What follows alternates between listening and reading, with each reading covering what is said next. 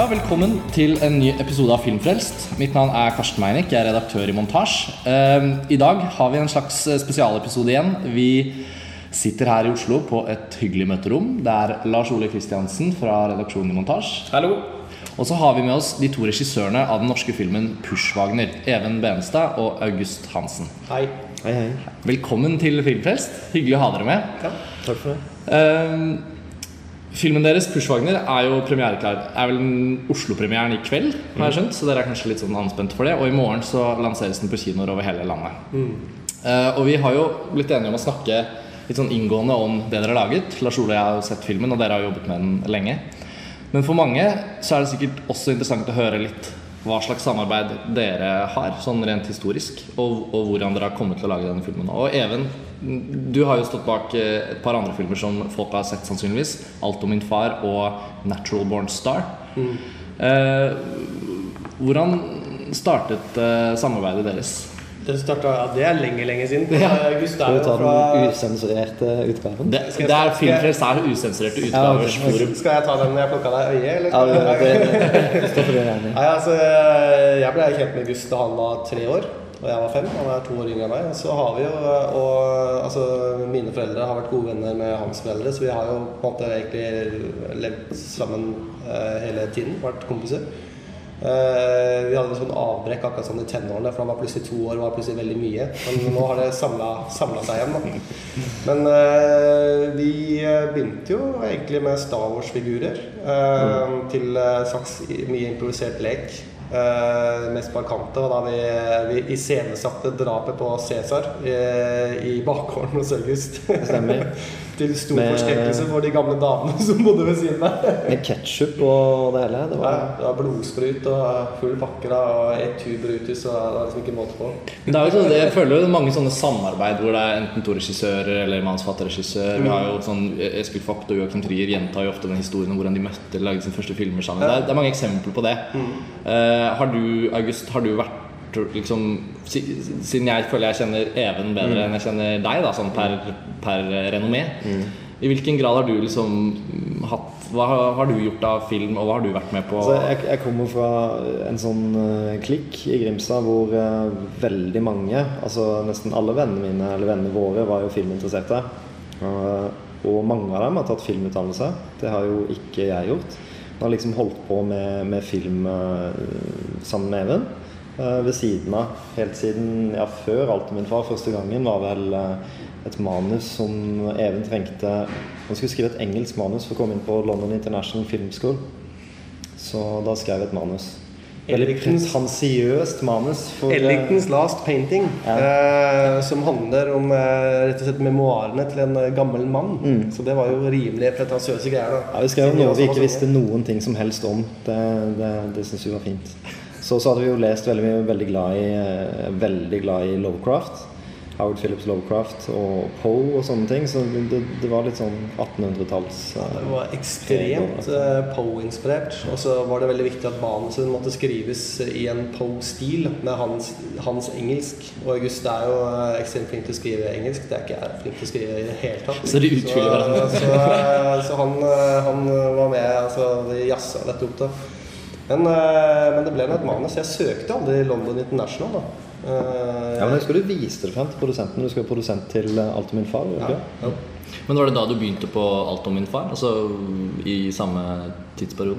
Eh, ja, det var det faktisk. Så, ja, altså, nei, jeg tror Ja, litt- litt ikke det? Ellingtons Last Painting er før. Litt før. Men eh, det, altså, alt min far kom ut av at noen ville lage film om min far. Og jeg sa at det må du ikke gjøre. Det skal jeg gjøre. Eh, og så begynte jeg å ta filmutdannelsen. Så, så alt min far på måte var sånn pliktprosjekt òg, fordi jeg hadde sagt jeg skulle gjøre det. Mm. Så da jeg begynte på det og var ferdig, så sa jeg pappa skal vi lage filmen snart. Ja, ja, det gjør vi til neste år. Så sånn snørs, da. Egentlig bare, det bare ramla ut. Og så gjorde vi jo det, da.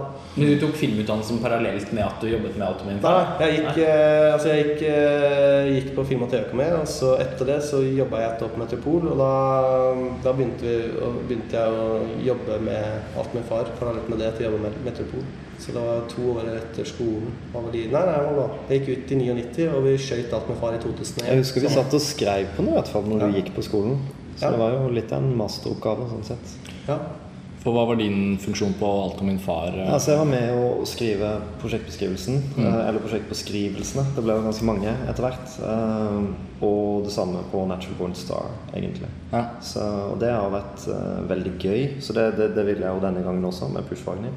Eh, og det er gøy, å gjøre det samme med Even. Og, og det som også er litt gøy med å skrive for dokumentar, er at det er en såpass lite etablert form. Man kan på en måte skrive prosjektbeskrivelser prosjektbeskrivelse akkurat som man vil, eh, men man er nødt til å ha noen veldig klare visuelle ideer om hvordan man har lyst til å gjøre ting. Så da er det bare å ha høy takhøyde og sette gassen i bånn, egentlig. Ja. Men Markus Wagner, er det den første filmen hvor du eh, Det er første filmen, din første film som regissør? Ja. Og det er, altså, er det da også den første filmen hvor du har vært med på, på filmsett? Og har vært, eller har du også vært med på settene på Alt om min far og Natural Born Jeg hadde lyd på, på alt min far, opptakslyd. Ja, ok. Så, og på Tempus Fugit i Bergen så var jeg også med å skrive og hadde skript. Det er den fiksjonshorror-kortfilmen eller novellefilmen. Ja. Så dere har jo egentlig hele tiden Ja Så da. vi har jo jobba sammen, sammen, hele tiden. Den du var minst med på, var vel 'Natural Born Star', for da var det og skrev. Men da holdt August på med denne arkeologiutdannelsen sin. Så Ja, det ikke så mye med på den. Er du arkeolog? Jeg er utdannet arkeolog. ja. ja. får vi, en sånn, vi får sånn supplementsepisode nå om Ja, ja. Indiana Jones-filmen. Ja, ja. så, det har Den første store norske dinosaurusdokumentaren. Den er like Det var kult, faktisk. Men det er jo åpenbart for meg i hvert fall at alle disse tre kinodokumentarene, da, Pushwagner inkludert, har vært prosesser som Du sier eh, eh, prosjektbeskrivelsene. Altså at vi ser Og det føler jeg også har vært tydelig gjennom de to første filmene dine som jeg har lest om og sett og forholdt meg til. Eh, som en del av norske, liksom, nyere norske filmhistorie. Det har vært liksom tydelige kinodokumentarer som har vært prosesser. Hvor det både har vært en del av skapelsen, sånn som jeg forstår det, som er en prosess, men også at selve historien og selve formen på filmen oppstår i møte mellom objekt og filmskaper. Eh, og det er jo fellestrekk mellom alle tre filmene. Og nå er det liksom, føler jeg det er den ultimate prosessdokumentaren for Push Wagner, som er portrett av den norske kunstneren med det samme navnet, Uh, for de som ikke vet det, er jo blitt en slags film hvor han, vel så mye som dere, styrer uh, hva vi ser. Det er riktig. Ja, og det er jo et helt bevisst valg. Altså, egentlig så begynte jeg og Even å kludre med den ideen der om akkurat dette her, om, om litt eh, dokumentarens sannhetsgalt. Vi hadde lyst til å, å problematisere dokumentaren som, som sjanger. Uh, for det kan være en ganske løgnaktig sjanger, egentlig. Den gir seg ut for å være så jævlig sann. Og så uh, Nettopp det premisset gjør at eh, publikum uh, blir snytt, da, på en måte. ikke sant? De får presentert en sannhet. Så vi hadde lyst til å leke med det. Og i møte med Nye Veier så var det altså var et veldig fint forum for å gjøre det. Og Pushwagner var jo et helt perfekt utgangspunkt for å gjøre noe sånt. Viste det seg når vi traff han. Altså, Ja, Diskusjonen var jo allerede i gang lenge før Pushwagner kom inn. Og så ble Pushwagner det prosjektet hvor det passa veldig bra å gjøre akkurat det. Men det har jo med Pushwagners personlighet òg. Det var riktig å velge et sånt tema med han som karakter. fordi det var egentlig litt det der hvordan man skal dra de forskjellige fasettene ut av en karakter. Og da var det iallfall det vi følte var den riktige måten å gjøre akkurat det på. da. For det var NFI som hadde et spesifikt eh, støtte, en sånn rammebetingelse for dokumentar som het Nye veier til dokumentar. Ja, Nyvær er jo et, er jo et hvor man skal egentlig lage en film på 24 minutter. Og um, det er, eh, og det er et forum også hvor man som regissører eh, eller regissør kan gjøre som man vil. Og det er ingen som skal ha noe innvirkning på det. Ingen TV-kanaler som Ingen kommer. Som kan si noe, så det gjøre deilig. akkurat sånn som du vil. Og uh, vi hadde det jo ekstremt moro med det. Og så plutselig så var vi og filma så tenkte som bare sånn Tja, kanskje bare skal slutte å panne kameraet, bare holde det på forsvar så du hører masse stemmer bak. Så bare sånn, så- sånn litt sånn Det er gøy. Fordi det som er nye veier, der, der skal du få lov til å drite deg ut. Hvis det ikke funker, så gjør vi alle det igjen. Men så kom vi jo dit vi måtte lage kinodokumentarer, og da hadde vi jo satt utrolig mange dogmer og regler, og vi hadde prøvd utrolig mye sære greier. da, Så vi måtte jo på en måte Ok, nå, nå har vi 24 minutter, så tåler publikum veldig mye.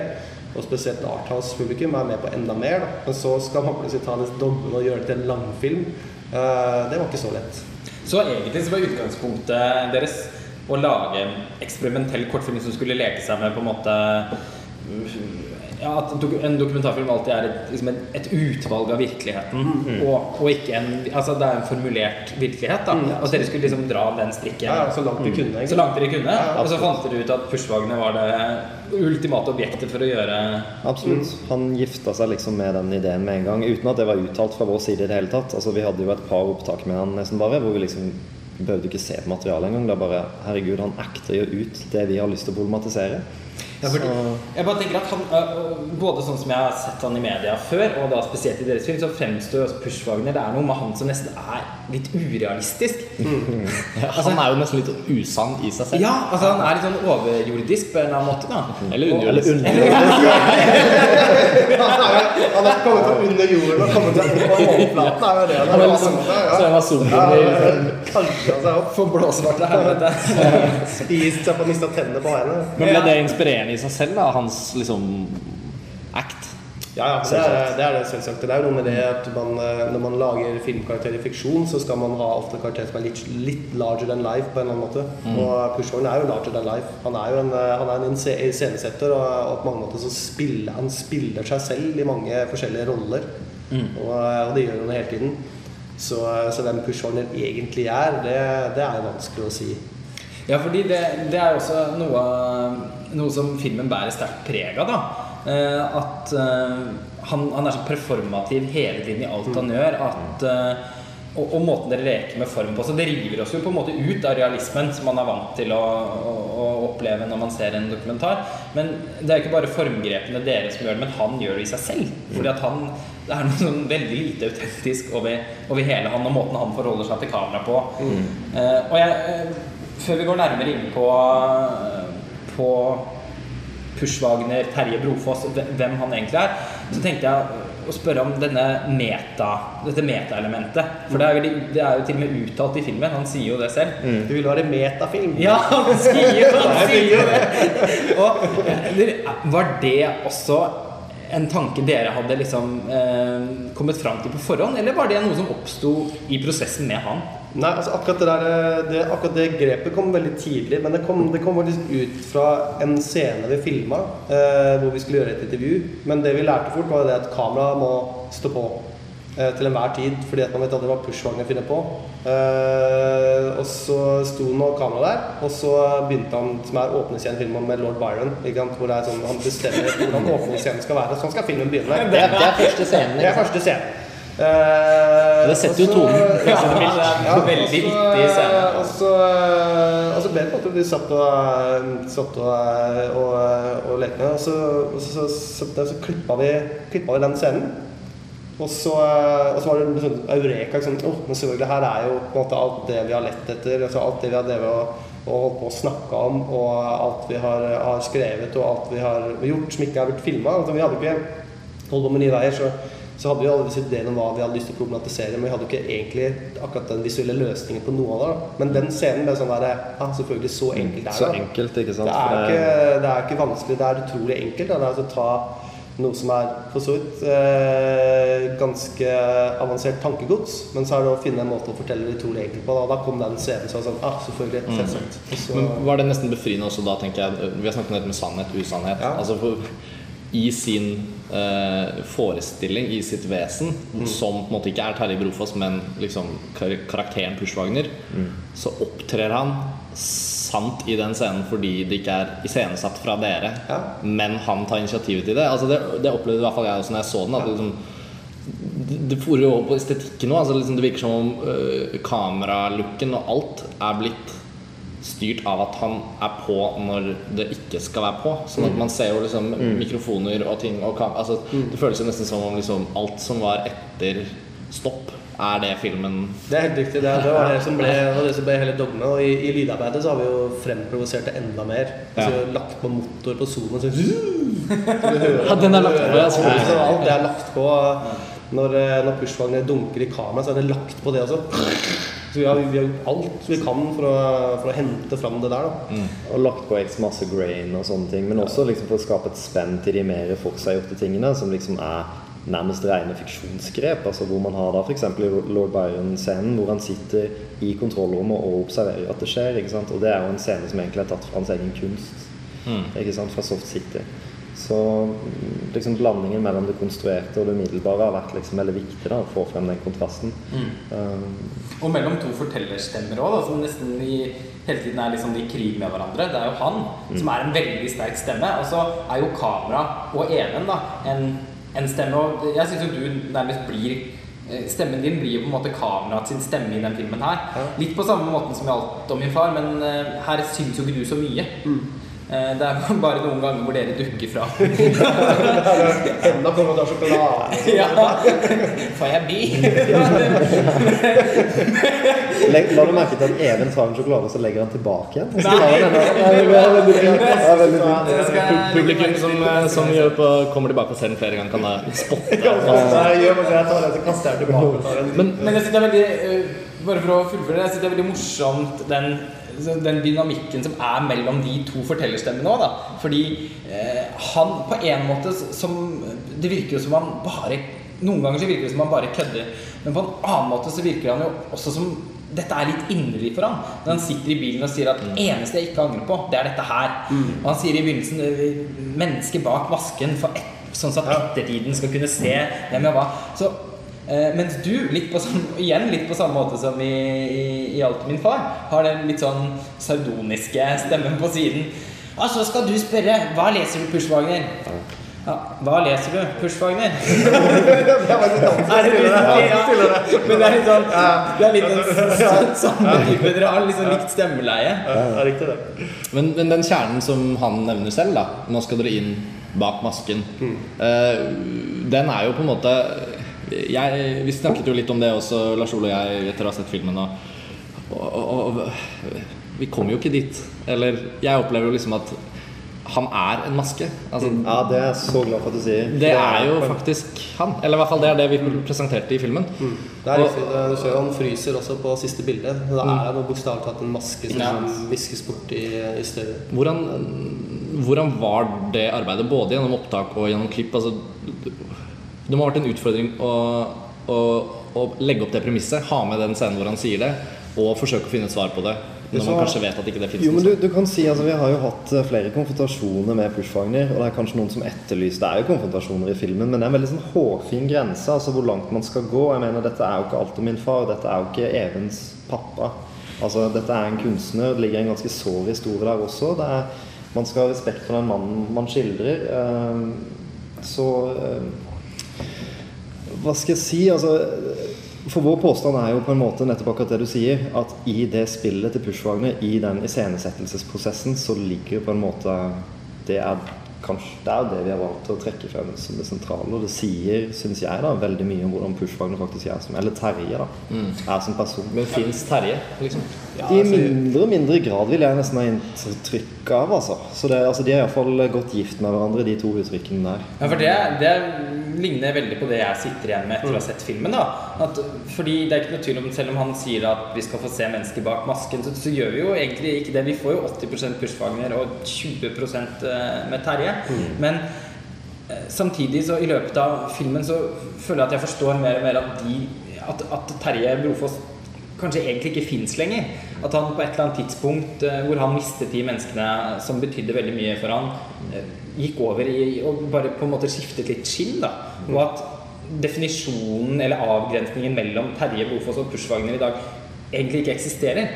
Fordi, eh, så, som Karsten sier, altså, så, fremstår han jo som han er en maske, men at den masken strengt tatt er også et speilbilde på det som fins inni han. Da. jeg syns jo masken egentlig viser mest kanskje hvem han er, til syvende og sist.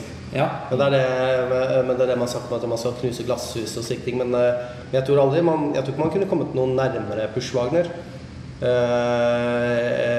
i en kanskje vi gjør den filmen. Det tror jeg ikke. Da. Jeg tror jeg har vært så nærme som han slipper noen inn, inkludert seg selv. Eh, faktisk. Men det ligger jo ja, Eller Ja, nei, jeg bare kom til å tenke er det med klippen, fordi det som var med, med å klippe filmen, var at eh, vi hadde altså, Hvilke scener vi skulle bruke, det tok ikke så lang tid. Men det tok uendelig lang tid å sortere dem riktig.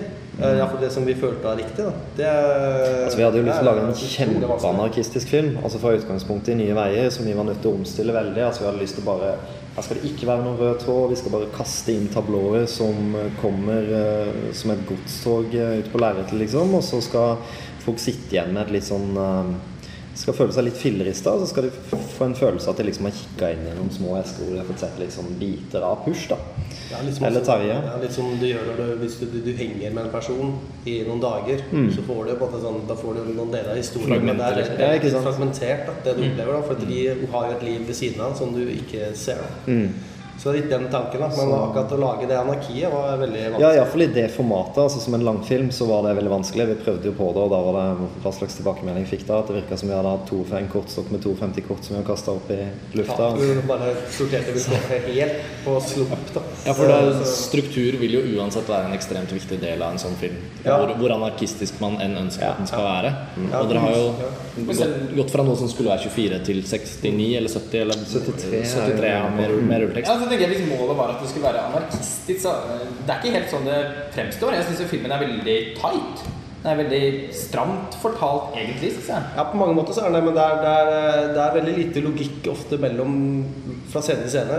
Det er, det er, ikke, det er ikke et drama derfor så at man drar seg i en retning. Man kan si at, eh, at rettssaken gjør litt av det, men det er bare sånn, en sånn ting som ligger helt og flyter på overflaten. Da. Ja, ja. Som aldri kommer inn i. Det er, bare, det er noe som står helt utenfor, eh, som også filmskaper, og det står utenfor pushwagner. Mm. Så det er på den kontrollen som ingen har noe styring over, som bare er der. Jeg tror En annen ting som tilfører en form for sånn um, u... Jeg vet ikke. Ikke ubehag, men, men som gjør både Pushwagner og filmen litt sånn aparte, litt sånn flytende. Det er jo dette Jeg tror ikke jeg kunne nesten spotte én scene hvor han agerer med andre mennesker. Altså, Nei, det er helt riktig. Han agerer jo bare mot kamera. kamera og mot stemmene bak. delvis den assistentfiguren, den skyggen, som liksom Han står som en sånn det er jo veldig- i bakgrunnen det er jo- og med et askebeger inni og Ja, er jo og det er jo veldig spesielt hvis man stopper opp og tenker på film. Ja. Eller dokumentarfilm. Eller Men det, altså, det er jo helt bevisst. altså Vi har jo hatt intervjuer med en serie med mennesker. altså Både nære og fjerne. Og vi har tenkt på forskjellige måter å løse det på. Men så fant vi ut at dette her bør være Så skal vi komme tett på han. Så altså Det bør nesten være litt sånn klaustrofobisk. altså At vi er tett på push hele tiden. Skal ligge blodstøtt på han. Mm. Sånn men, Men- ja. Men jeg tenker, men på tross av at dere ikke har inkludert noen sånne talking heads som snakker om han, eh, så eh, er det pussig å, å aldri se han sammen med noen i filmen. for det er det jeg også tenker på. Så, Det det- man, man får nesten inntrykk av at han er venneløs. Ja, på sett og vis. Han, har, han, er, han er ensom i sitt eget univers, har jeg tenkt uh, mye. da Men, eh, men det, det, det var det dobbelen som kom ut. At plutselig så bare fant til deg. Så gøy vi bare har kamera, bare stutter opp handa og gjøre det. Bare setter det på handa så ser hva som skjer. Og så blir jo det Og det var til 24 minutter, og så blir jo det et grep i filmen. Så jeg mener jeg var ganske nervøs. da Jeg husker en, en, sånn, en som jeg kjenner, Fredrik Hestvold, som er dramaturg og lærer på NIS, og sier at ja, så har vi liksom eksperimentert med det at eh, vi har kamera bare på, eh, på objektet hele tiden. da Ja, det kan bli slitsomt. ja, det kan jo det. og da var det jeg tenkte at å faen, nå har vi, nå har vi jo har vi gjort noe kjempedumt. da Men eh, men det var gøy å se hvordan man kunne få det til å fungere. Men det blir klaustrofobisk, du føler på at det er, det er noe rundt den, men det får du aldri lov til å se. da liksom Det er oss og det er Ja, assistentene. Altså alle disse folka da, som bare er der, som du aldri ser. Ja, for de er veldig, de er noen veldig sånn mystiske størrelser, de her eh, assistenten Ja. som bare vil si, Han sitter jo sånn på åpningsbildet. ja. Når han blir introdusert. Han gjemmer seg. Ja, og så På et eller annet tidspunkt så blir han jo også introdusert. Hvor han liksom, ja, er det opptak nå? Men så blir det aldri mer Nei, med. nei, bare går sånn der, bare sånn, du, vet at, du vet at han er der, men, eh, men du får jo ikke Skal være litt sånn skikkelig i bakgrunnen. og- Komisk effekt. Som jo, og filmen er jo også eh, ganske morsom. Ja, ja.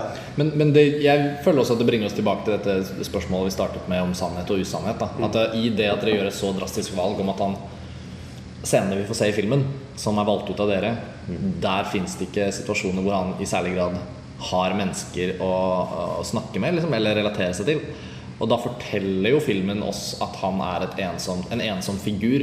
Som er kanskje liksom Som svever inn i Soft City. Liksom. Du, ser du vet det fins mange individer der, men men førstepersonen som vi liksom da glir inn i disse animasjonssekvensene, er på en måte mutters alene. Da. Og da er jo da et annet spørsmål hvis man tenker at den filmen skal fortelle oss noe om Pushwagner. En sånn, mm, jeg er interessert i Pushwagner, liksom. hva, hva, hva vil jeg vite om han?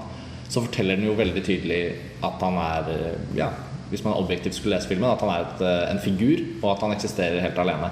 Og da blir jo på en måte jeg sånn rent rasjonelt sett tenker at det er jo ikke da helt sant, for han har jo liksom en assistent, og, og han eh, liksom han, Noen må hjelpe ham, for han virker også som en veldig sånn skjør figur. Eh, Det er, det er en sammenheng der. Altså, uh, ikke tenkt på det så bevisst som du uttaler det nå, men det, det er en interessant observasjon. Og det er noe med det at Push uh, har vært veldig avhengig av mennesker rundt seg. Eh, og har vært gjennom mange situasjoner hvor han har følt seg sveket. Det har han gitt uttrykk for i mange anledninger. Det står også i det Da- Dagbladet-intervjuet som kom nå nettopp, magasinet. Og jeg tror at som et resultat av det så har han hatt en sånn form for frigjøringsprosjekt. Altså Hele livet hans har for så vidt vært et frigjøringsprosjekt, men kanskje siste steget i frigjøringsprosjektet har vært at han har hatt et behov for å være en outsider. På en måte få en etablert posisjon som en outsider hvor han kan klare seg. Og som han sier i det magasinintervjuet, det var litt sånn opplysende å lese, han sier at 'jeg har ikke tid til å ha tette forbindelser'. Og, og så sier han noe sånn tullete som at det tjener man ikke penger på, eller noe sånt, men jeg tror ikke det er det det handler om. Det handler om at han er redd for å bli brent enda en gang. Så, så han har nok litt uh, frivillig satt seg selv litt på en sånn siste ut, samfunnets siste utpost og sitter der og Sånn er en, han, Fordi han har opplevd og blitt sveket såpass mange ganger, så har han rett og slett utviklet en slags sånn menneske... Om ikke frykt, så Ja, skepsis. Jeg tror mye av, det, mye av klovneriet hans eh, kommer ut av det. Altså det, det når, du, når du er en klovn og, eh, og når, du, når du lager mye ballade, så er det ingen som slipper inn. Ikke sant? Da har du alltid folk på en uh, armlengdes avstand. Du har alltid total kontroll. Da. Og man kjenner jo de menneskene. Ja. Altså, det er jo ikke bare Ja. Pushwagner. Det finnes jo liksom miniatyrer av det i alle han vennekretser, virker- familier. og, og på tross Ja, av alle, ja, du har jo klassens klovn, Ja, ja, ja. som ofte er mye av det samme. Da, som Ja. er, eh, er liksom den morsomme rallefanten på baksida som eh, ofte også har masse ting som surrer i huet. Men Mm. de lager masse distanse med å klovne og skøye. da. Men eh, var dere fristet unnskyld, til å på et eller annet tidspunkt strekke dere inn og ta på den sårheten der, liksom? Og pirke litt i det? Ja, men, vi gjorde, kanskje ja, vi gjorde det, da. men det var en scene som vi aldri tok inn, faktisk, hvor pushvarene går rett opp til kamera og står sånn øynene rett til linsa, så sier han eh, på engelsk 'Do I look happy?' Do I look happy? Og så snur han seg så bare sier han 'No, I'm sad and lonely', sier han, og så bare går han. Eh, men den kom på en måte aldri inn i filmen. da Men det er, eh, det er jo kanskje et av de, sånn, et av de virkelig sånn nære øyeblikkene som vi klippa bort. Da. Og som ble gjort veldig veldig, veldig tidlig. Men det er noe med det at jeg Ja, det føler allikevel at det, det ligger der. Og, og, og uh, iallfall jeg ser det da i den filmen vi har laga. Så, så ser jeg uh, altså det, Noe av den ensomheten der, det, det er i blikket hans, det er i måten han gjemmer seg på, sånne ting som det. Mm, Alkoholen, ikke minst. Men dere, men dere rev ikke på en måte noe sånn opp i disse sårene gjennom, gjennom litt mer sånn konkrete intervjuer da, med han om Jo, altså vi gjorde jo, vi gjorde jo tonnevis med intervjuer som, Ja. vi aldri, som vi aldri brukte til noe annet enn uh, egentlig å gjøre akkurat det. Altså å grave og pirke og rive ruer. Altså, vi, har jo helt, vi holdt jo på med denne psykoanalysen. Vi starta med barndommen. Og så arbeider vi oss helt fram til i dag, egentlig. Gjennom, eh, gjennom uh, dagevis med, med lange, lange lange intervjuer.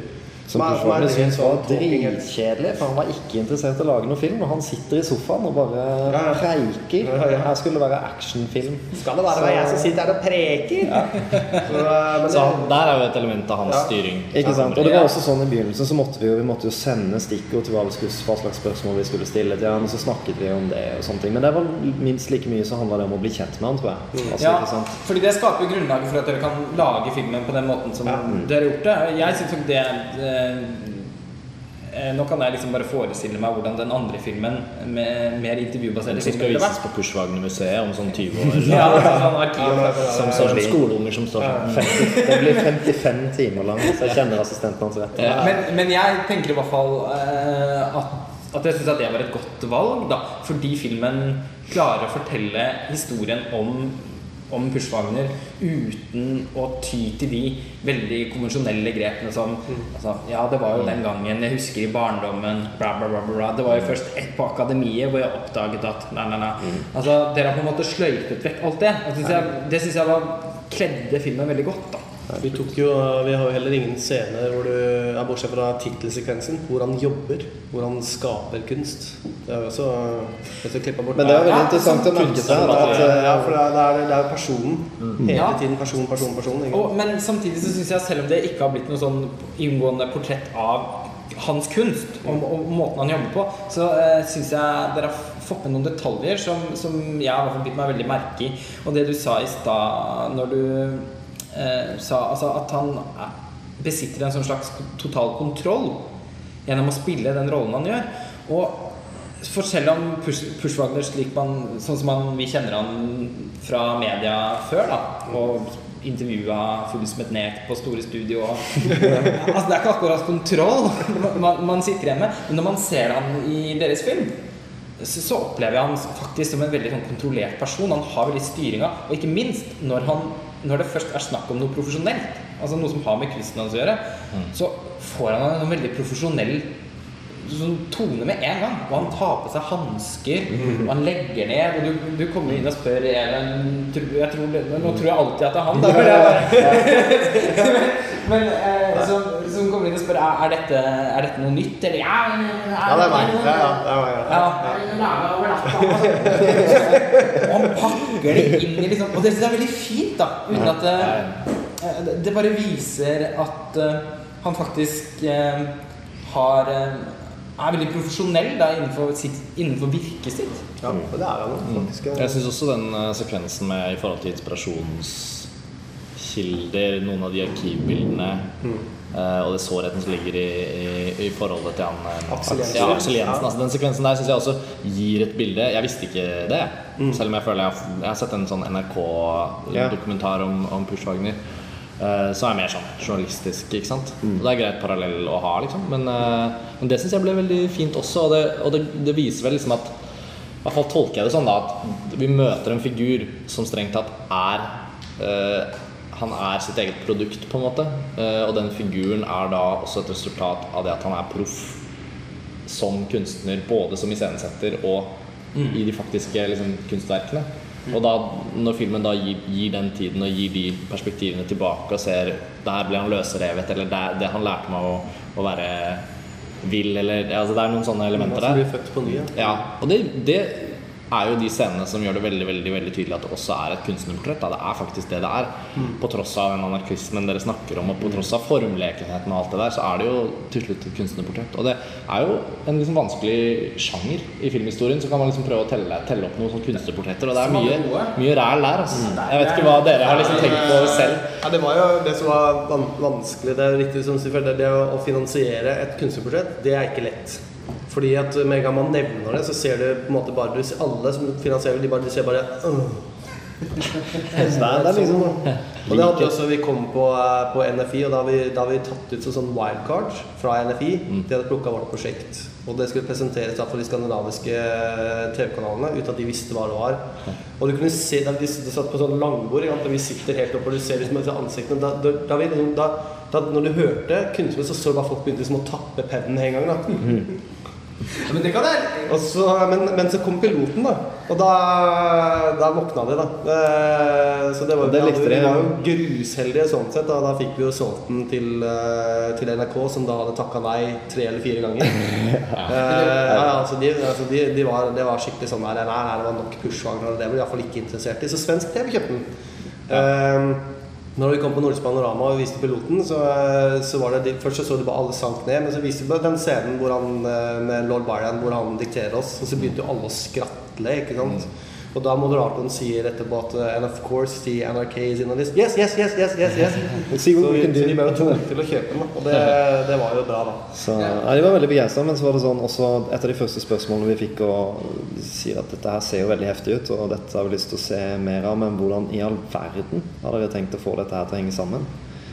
Så det, det visste vi jo ikke det, det visste vi jo ikke. Dere har jo også på en måte Når dere forteller om, liksom, om måten de reagerte på når dere bare nevnte kunstnerportrett, så sier det men kanskje noe om at dere selv også kanskje har liksom fordommer da, mot denne Ja, altså, undersjangeren. Man må langt tilbake i tid da, før man finner eh, interessante kunstnerportretter. Det er lagd noen, da. Altså, du har jo Mysteriet Picasso, eh, som er eh, altså henne George Clouseau som har gjort, som er fantastisk. Men det er jo bare For så vidt så stjal vi jo en scene derfra. Da. Det er, det er jo bare Picasso som driver og maler på glassplater, mm. transparent. Og så er det en sånn liten scene der hvor han, eh, Clouseau han, eh, han eh, utfordrer han og sier jeg så så mye filmer hvor, hvor fort kan du lage et bilde, men som er dritbra. Og så er det En bra Jackson Pollock-dokumentar fra, fra 50-tallet. og så lager han- Altså Ofte syns jeg liksom, altså kunstportrett, kunstnerportrett er noe med det at det er jo ikke en sjanger. Altså det er, bare, det er bare noe man kaller noen litt kjipe filmer, som ofte er veldig kjedelige.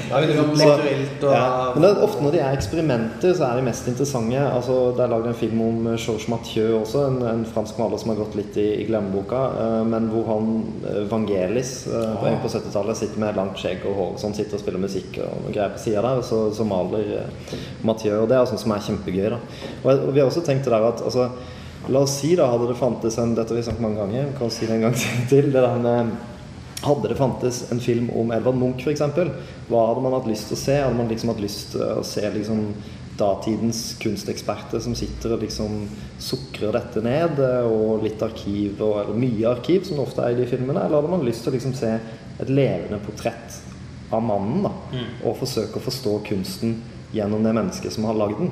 Det som ofte er tilfellet med en del av de kunst, kunstportrettene som går på TV, så senest en som var laget eh, fra dokumentarfilmlinja på Lillehammer, som var en sånn eksamensfilm. eh, Som, de, de bærer ofte preg av en litt sånn beklemmende tone. Hva, hva, hva legger du i kunsten? Ja. Altså, jeg elsker farva ja. det, det, Og det er noe liksom grunnleggende kjipt med, Ja. med den måten å gjøre det på. Og det er noe deres film eh, åpenbart bryter veldig med. Vi, vi prøvde faktisk å ha en scene eh, hvor man diskuterer eh, kunsten, som er eh, ja, Det er vel kanskje det mest altså Det blir jo endelig opp av litt sånn der basketak av en krangel, da, hvor, eh, hvor til slutt stopper opp, og, og det er August som kjører på. da og bra, bare det. at nå må du ta denne mannen i hende. Han er langt utover sitt kompetansefelt. Og nå er det like at jeg må kvitte en sånn hvit strek, så han vet hvor han skal stå. Jeg følte meg som han der lydmannen i, i Man Bites Dog som liksom får juling hele tida og blir skutt og sånne ting. Så, men, men den scenen varte 45 minutter. Ja, Den var dritbra når den ikke var klippa. Ja. Men, eh, men så var det også det at Det er en bitte liten rest igjen av den i filmen, bare hvor han sier 'Hva betyr kunst for deg?' Ja, Liv mm. eller død? Mm. Svarer han vel Men det holder jo lenge. Ja. Eh, Men det vi kom fram til, eh, egentlig er jo det at, jo det at, at, at kunstneren skal snakke om hva kunsten betyr, og hva den er, og hvordan den gjøres. Det er ikke så interessant, da. Til syvende og sist. Altså det, er, det som er interessant, det er jo det man ser, og det er jo kunsten. Altså hva han legger i det. Altså, eh, det, det må jo på en måte han få lov til å snakke om, eller ikke snakke om. Altså Pushwagner liker jo ikke å snakke om det. Altså Han sier det handler om linjer og perspektiver, og det tenker jeg det kan man jo se.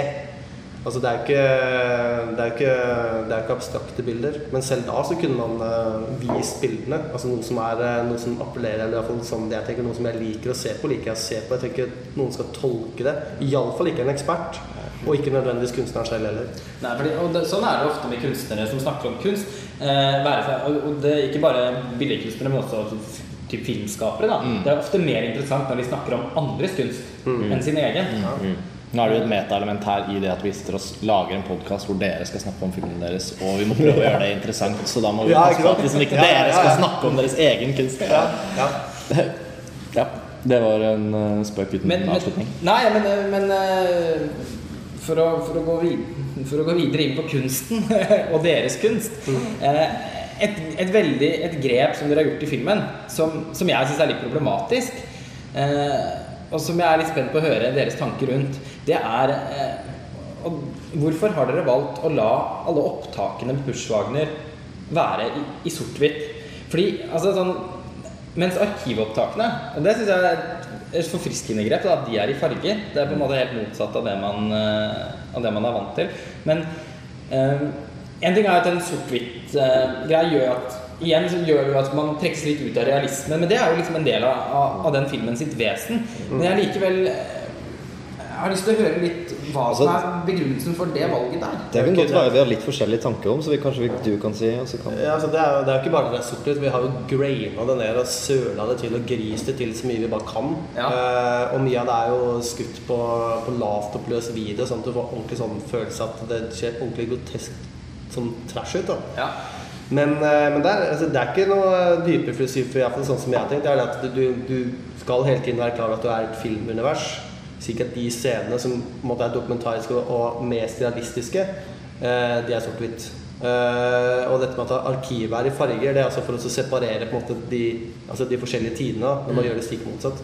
Men hvis man hadde gjort eh, fortiden sort-hvitt, så hadde man fått, igjen hatt den dokumentarfølelsen. Ok, nåtid, farger, veldig veldig dokumentarisk. Og så går man tilbake dit, så er det sort-hvitt, og da har man et skille. Så det er egentlig bare et eh, Så det handler jo litt om iscenesettelse, det også. ikke sant? Altså At vi viser arkivet da man blåser liv i det på en Og man viser at dette er konstruert. Altså Det er jo noe montasje vi har klippet sammen.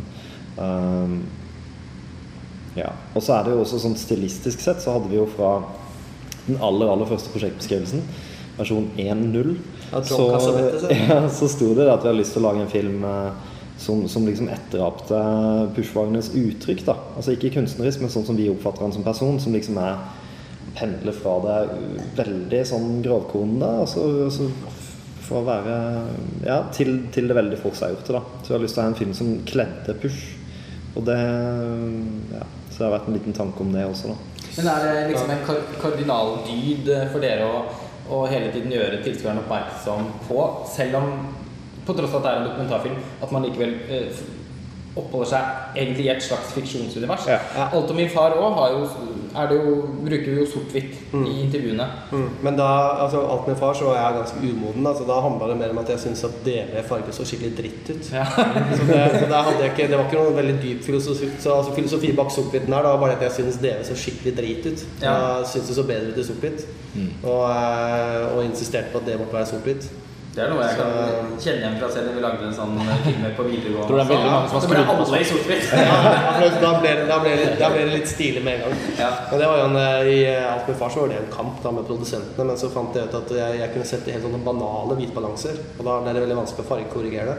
Ja. Sånn at det skulle forbli sort-hvitt. Men det var, men tanken var bare sånn, det, det ser fett ut i sort-hvitt. Nå har vi jo tenkt litt mer, da. Og så er det også noe med at det skaper brudd. da Altså Å veksle mellom sort-hvitt og farger. Det gjør at når det på en måte kommer et fiksjonsbrekk, eller hva enn det måtte være, så gir det sånn emosjonelt løft. da Uh, Det er ikke sikkert det funker sånn. Jeg håper det gjør det. Altså, Vi har jo oppfunnet en ny eh, klippemetode. Skal vi avsløre den? Eh, hva var det?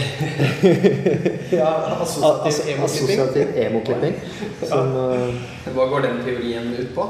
Ja, det er, det er assosiativ emoklipping. Det er f.eks. for eksempel kan være et klipp til et eh, slow motion-bilde av en karakter som ser eh, litt nyansert inn i kameraet. Og, ja, og hvis, hvis man liksom får eh, litt gåsehud når man eh, i en overgang, så skal man bevare den. da Ja, det er Så det er assosiativ emo. Ikke, ikke ikke, nødvendigvis- kan ikke forklares. Det bare er sånn.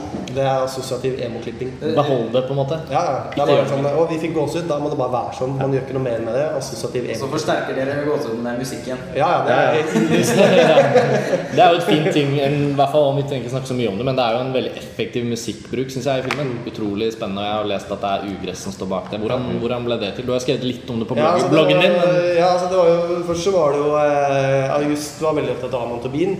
Mm. Uh, altså, eh, vi må ha med Tobin. Og så ja, nei, ja det, det er kult. Og han har veldig lyst til å jobbe med og vi må prøve å se om vi kan få i gang en avtale. Så jobba jo Karsten Andersen, produsenten. uh, tok i kontakt med selskapet, han kom på en måte ikke noe lenger enn det. Og så, hadde jeg hørt noe, hadde hørt noe ugressmusikk et eller annet sted. Uh, og da var vi også på den nye veien og tenkte at vi har ikke råd til å lage en nye vei-film som skal ha Amon Tobin-musikk, fordi at det blir for dyrt. Uansett, da. Så en annen løsning. Det er ikke engang sikkert at vi har råd til å ha en komponist som kan komponere musikken, men, men at vi kan kjøpe ferdige sanger. Eh, og så eh, jeg lurer på jeg fant ugress på MySpace eller noe sånt. ja. Så var det to spor som var veldig stilige. Og så kom det og spilte det for August, da. og han er en kresen faen noen ganger. da, Så han sitter selvfølgelig og det ser om han smatter og retter på brillene. Ja, det er, dette er ganske bra. Takk skal du ha. Takk skal du det ha. det er aldri helt bra, men det er ganske bra. Og det er jo et godt tegn. da. Så, og så fikk Karsten til å ta kontakt med agenten til Ugress, og så fikk vi tilgang på FTP-en til Ugress. Og så begynte de bare å plukke musikk, og det var jævlig stilige spor. Og så er sånn at Ugress er en ekstremt produktiv musiker, så det datt jo ny musikk hele tiden. Så vi satt jo og sjonglerte og begynte å klippe. da. For det er også noe som altså Jeg jobba med Kåda på Alt med far og der til Bornstar. Men der er det sånn at Kåda har begynt å komponere musikk egentlig fra det første eh, synopsis han får, så begynner han å leke med musikk. Sånn at når vi- har kommet til klippen, så har vi hatt, har vi hatt skisser nesten på all musikken skal være i filmen, så at man kan designe hver scene på den riktige musikken, for da blir rytmen blir bedre. mm. Enn at man går andre at man lager skjema og bruker tempmusikk, og så må en komponist inn og lage noe som ligner. Så at da har vi originalmusikken, så jobber vi ut fra det. da. Men så begynte vi å jobbe med, med ugressmusikken, og vi plukka, og så etter hvert så fant vi ut at herregud, dette er jo utrolig mye bedre enn Amon Tobin. Ja, altså, vi, Fordi vi at det, brukte det sånn- kledde kunsten så utrolig godt. da Og det kledde Pushwagner, og det kledde filmen. Og det var nesten som noen noe gifter seg med det. da Absolutt. Så det, Så det var jo referansemusikk veldig veldig, veldig lenge. Og så fortsatte vi og forsøkte å få tak i Amon Tobin. Og vanskelig å få tak i fra sin nye plate. Som viste seg når den, når den endelig kom, så var det litt sånn John Cage-inspirert elektronika som slettes ikke gjorde seg i, i den filmen her, i hvert fall. Og som skilte seg veldig fra sånne jazzinspirerte ting som man har gjort før. Eh, og da fant vi egentlig ut at men herregud, det går ikke an å ta vekk altså, ugress. Det funker så bra. Det gifter seg med materialet, som Ja. sier. Ja, Så det blir glir jo veldig i. Det føles veldig Ja, det er veldig riktig. Så etter to og et halvt år Ja. så eh, ringer vi da Ugress. Ja. Og han hadde en vag husk da, på at, eh, at noen hadde ringt og spurt om det der. og, så, eh, og så kom han til Oslo, og så var han, var han her noen timer. Og vi snakka, så hørte vi mye på og Det endte opp med at vi hørte på Commodore 64-musikk på YouTube. da Last Ninja 1 og 2 og 3 og sånn. Og, godt, The Last V8. Da. Og eh, han var veldig opptatt av det. Og jeg er veldig opptatt av det. Og så, eh, og så fikk han jo all musikken som jeg hadde brukt. Og så har han korrigert den og fiksa på den, det har han gjort. Men, mm. men mye av det er jo musikk som har vært ute tidligere. Mm. så det er på en måte bare i rette remixet og remixet og tilrettelagt. Men det funker jo veldig bra. Synes jeg jeg syns musikken i filmen er fantastisk kul. Og den Samtidig som den også er emosjonell. Altså Mm, Det ja, ja. bidrar som du sier til disse gåsehudpassasjene. Ja. og, og samtidig som den også gir en sånn Den understreker litt den popstjernefølelsen Riktig. rundt Det er akkurat det det blir. Det, det, blir, det, det blir som en sånn rockumentary, nesten. ikke sant? Ja. For det er musikken blir så til stede. Og, Litt, altså Nesten litt på samme måte, syns jeg, som, som uh, Ulf Dageby gjør i min favorittdokumentar 'Et anstendig liv' av Stefan Jarl. Som også har en sånn Altså Han opphøyer nesten de her narkomane til å bli noen sånn mytologiske rockstars da, gjennom musikken, samtidig som musikken også har en sånn voldsom emosjonell drivkraft.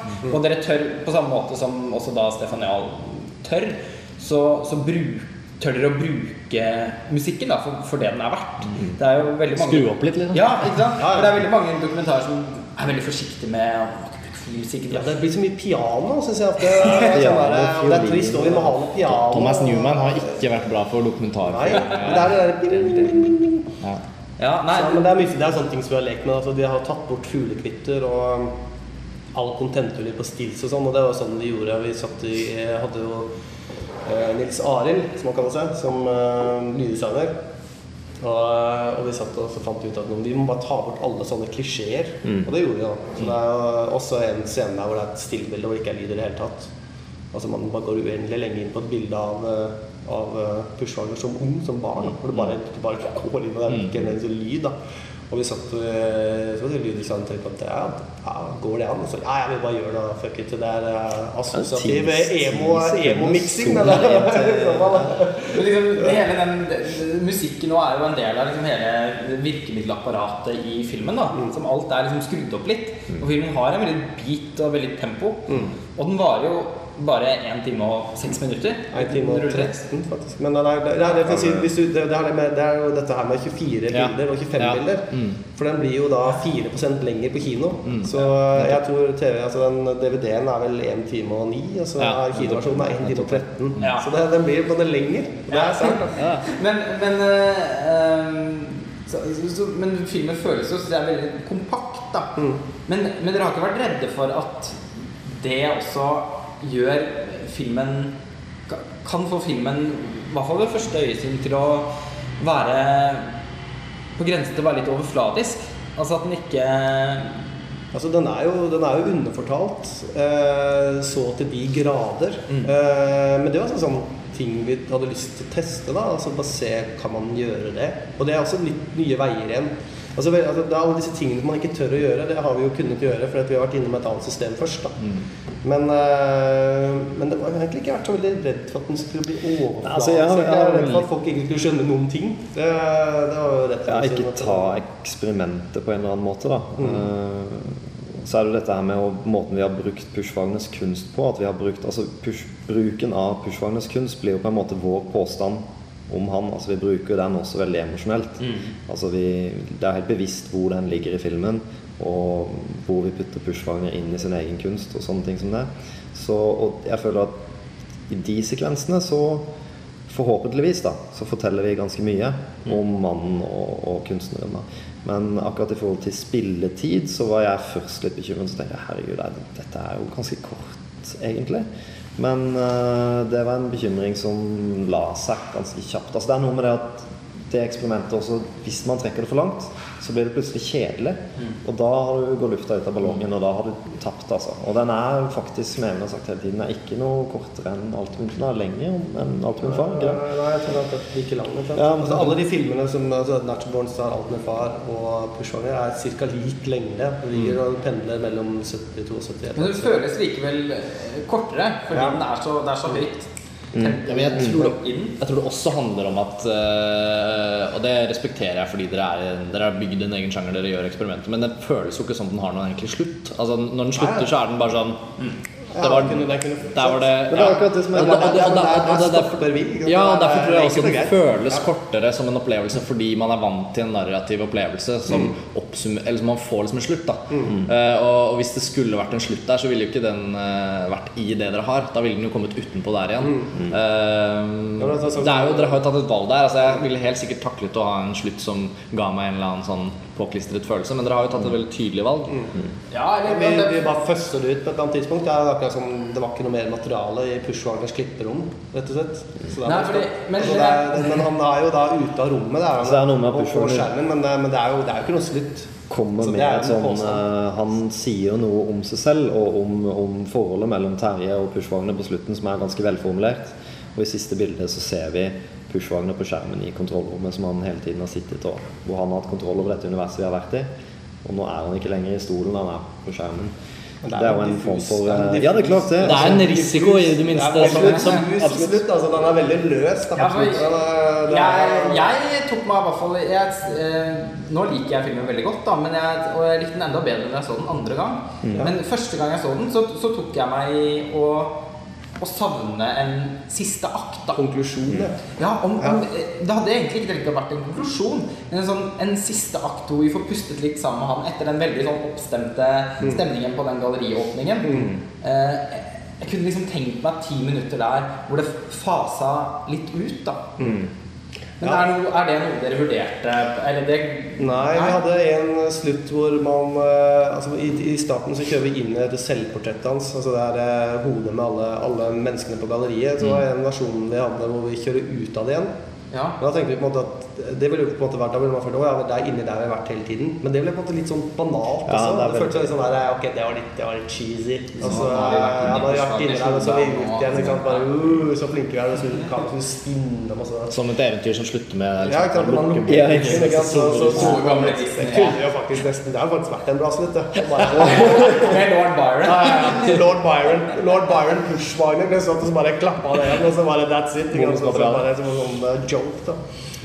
Men vi, men vi må uansett begynne å runde av. Altså, det, jeg tror vi kunne fint snakket en time til om mange av de tingene dere har gjort i filmen deres. Når publikum skal jo få møte den. Den har premiere som vi sa i begynnelsen i morgen Ja. på mange kinoer rundt omkring i landet. egentlig så, og, og når denne podkasten slippes, så har den jo gått noen dager. Ja. Eh, kort.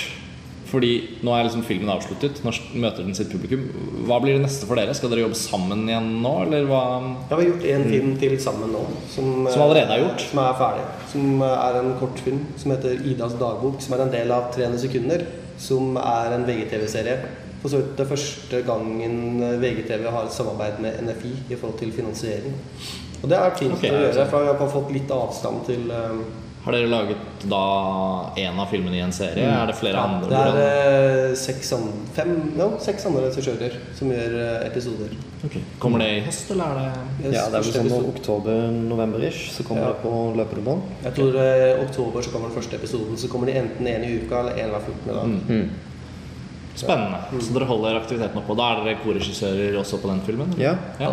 Men hva går veien, hvordan går veien da videre etter den? Så vi har jo flere andre prosjekter, men hvilket vi skal ta tak på sånn med en gang nå, det vet vi vel ikke helt. Ja, det har vært mye det har, har vært jæklig altså De siste, Siste, to årene har vært hysterisk kreative. Og så har vi hatt litt Plutselig så har vi fått veldig mye Altså vi har fått mye utvikling da på disse Ja. gale ideene vi har sittet og Ja, vi ble sammen. plutselig veldig kreative. Altså Even, eh, Dama til Even slo opp med en, stakkar. Så, og jeg skulle skrive ferdig mastergraden min i arkeologi, og da hadde vi begge to lyst til å gjøre helt andre ting, så da skrev vi vel fire forskjellige prosjekter. Hvor Pushfagene var ett av de helt i begynnelsen der. Ja, det var, ja, det var jo det var en, det var et fiksjonsprosjekt, og så var det vel tre-fire dokumentarprosjekter, Mm. eh, inkludert da Pushfagene. da. Og det er jo ting vi har lyst til å realisere eh, alt sammen, Og det er jo naturlig å stille dere spørsmål om dette med fiksjon, fordi Ja. Pushwagner fungerer nesten som en slags bro.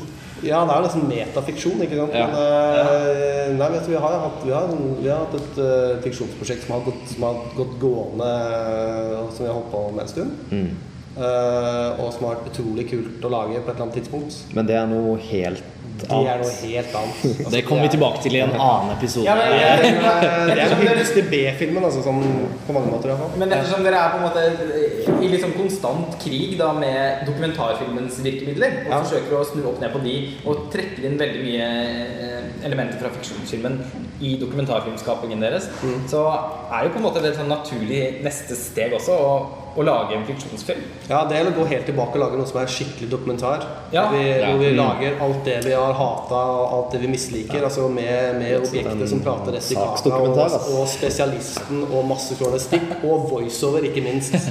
Det gleder vi oss til. Et rent destruktivt prosjekt. Og pianomusikk av han Numan. Ja, det, blir, det blir helt sikkert en diskusjon ut av det også. Det har vært utrolig hyggelig synes jeg, å få tatt en skikkelig prat med dere om Pushwagner. Folk kan se den på kino. Eh, Forhåpentligvis så returnerer dere til Filmfrelst en eller annen gang i fremtiden. Takk for denne gang. Lars Ole, vi eh, avslutter. Det gjør vi. Takk for Hilse mamma. Da takker vi for oss. Ja, Og takk til dere som stilte opp. Takk for det. ha det bra. Ha det bra.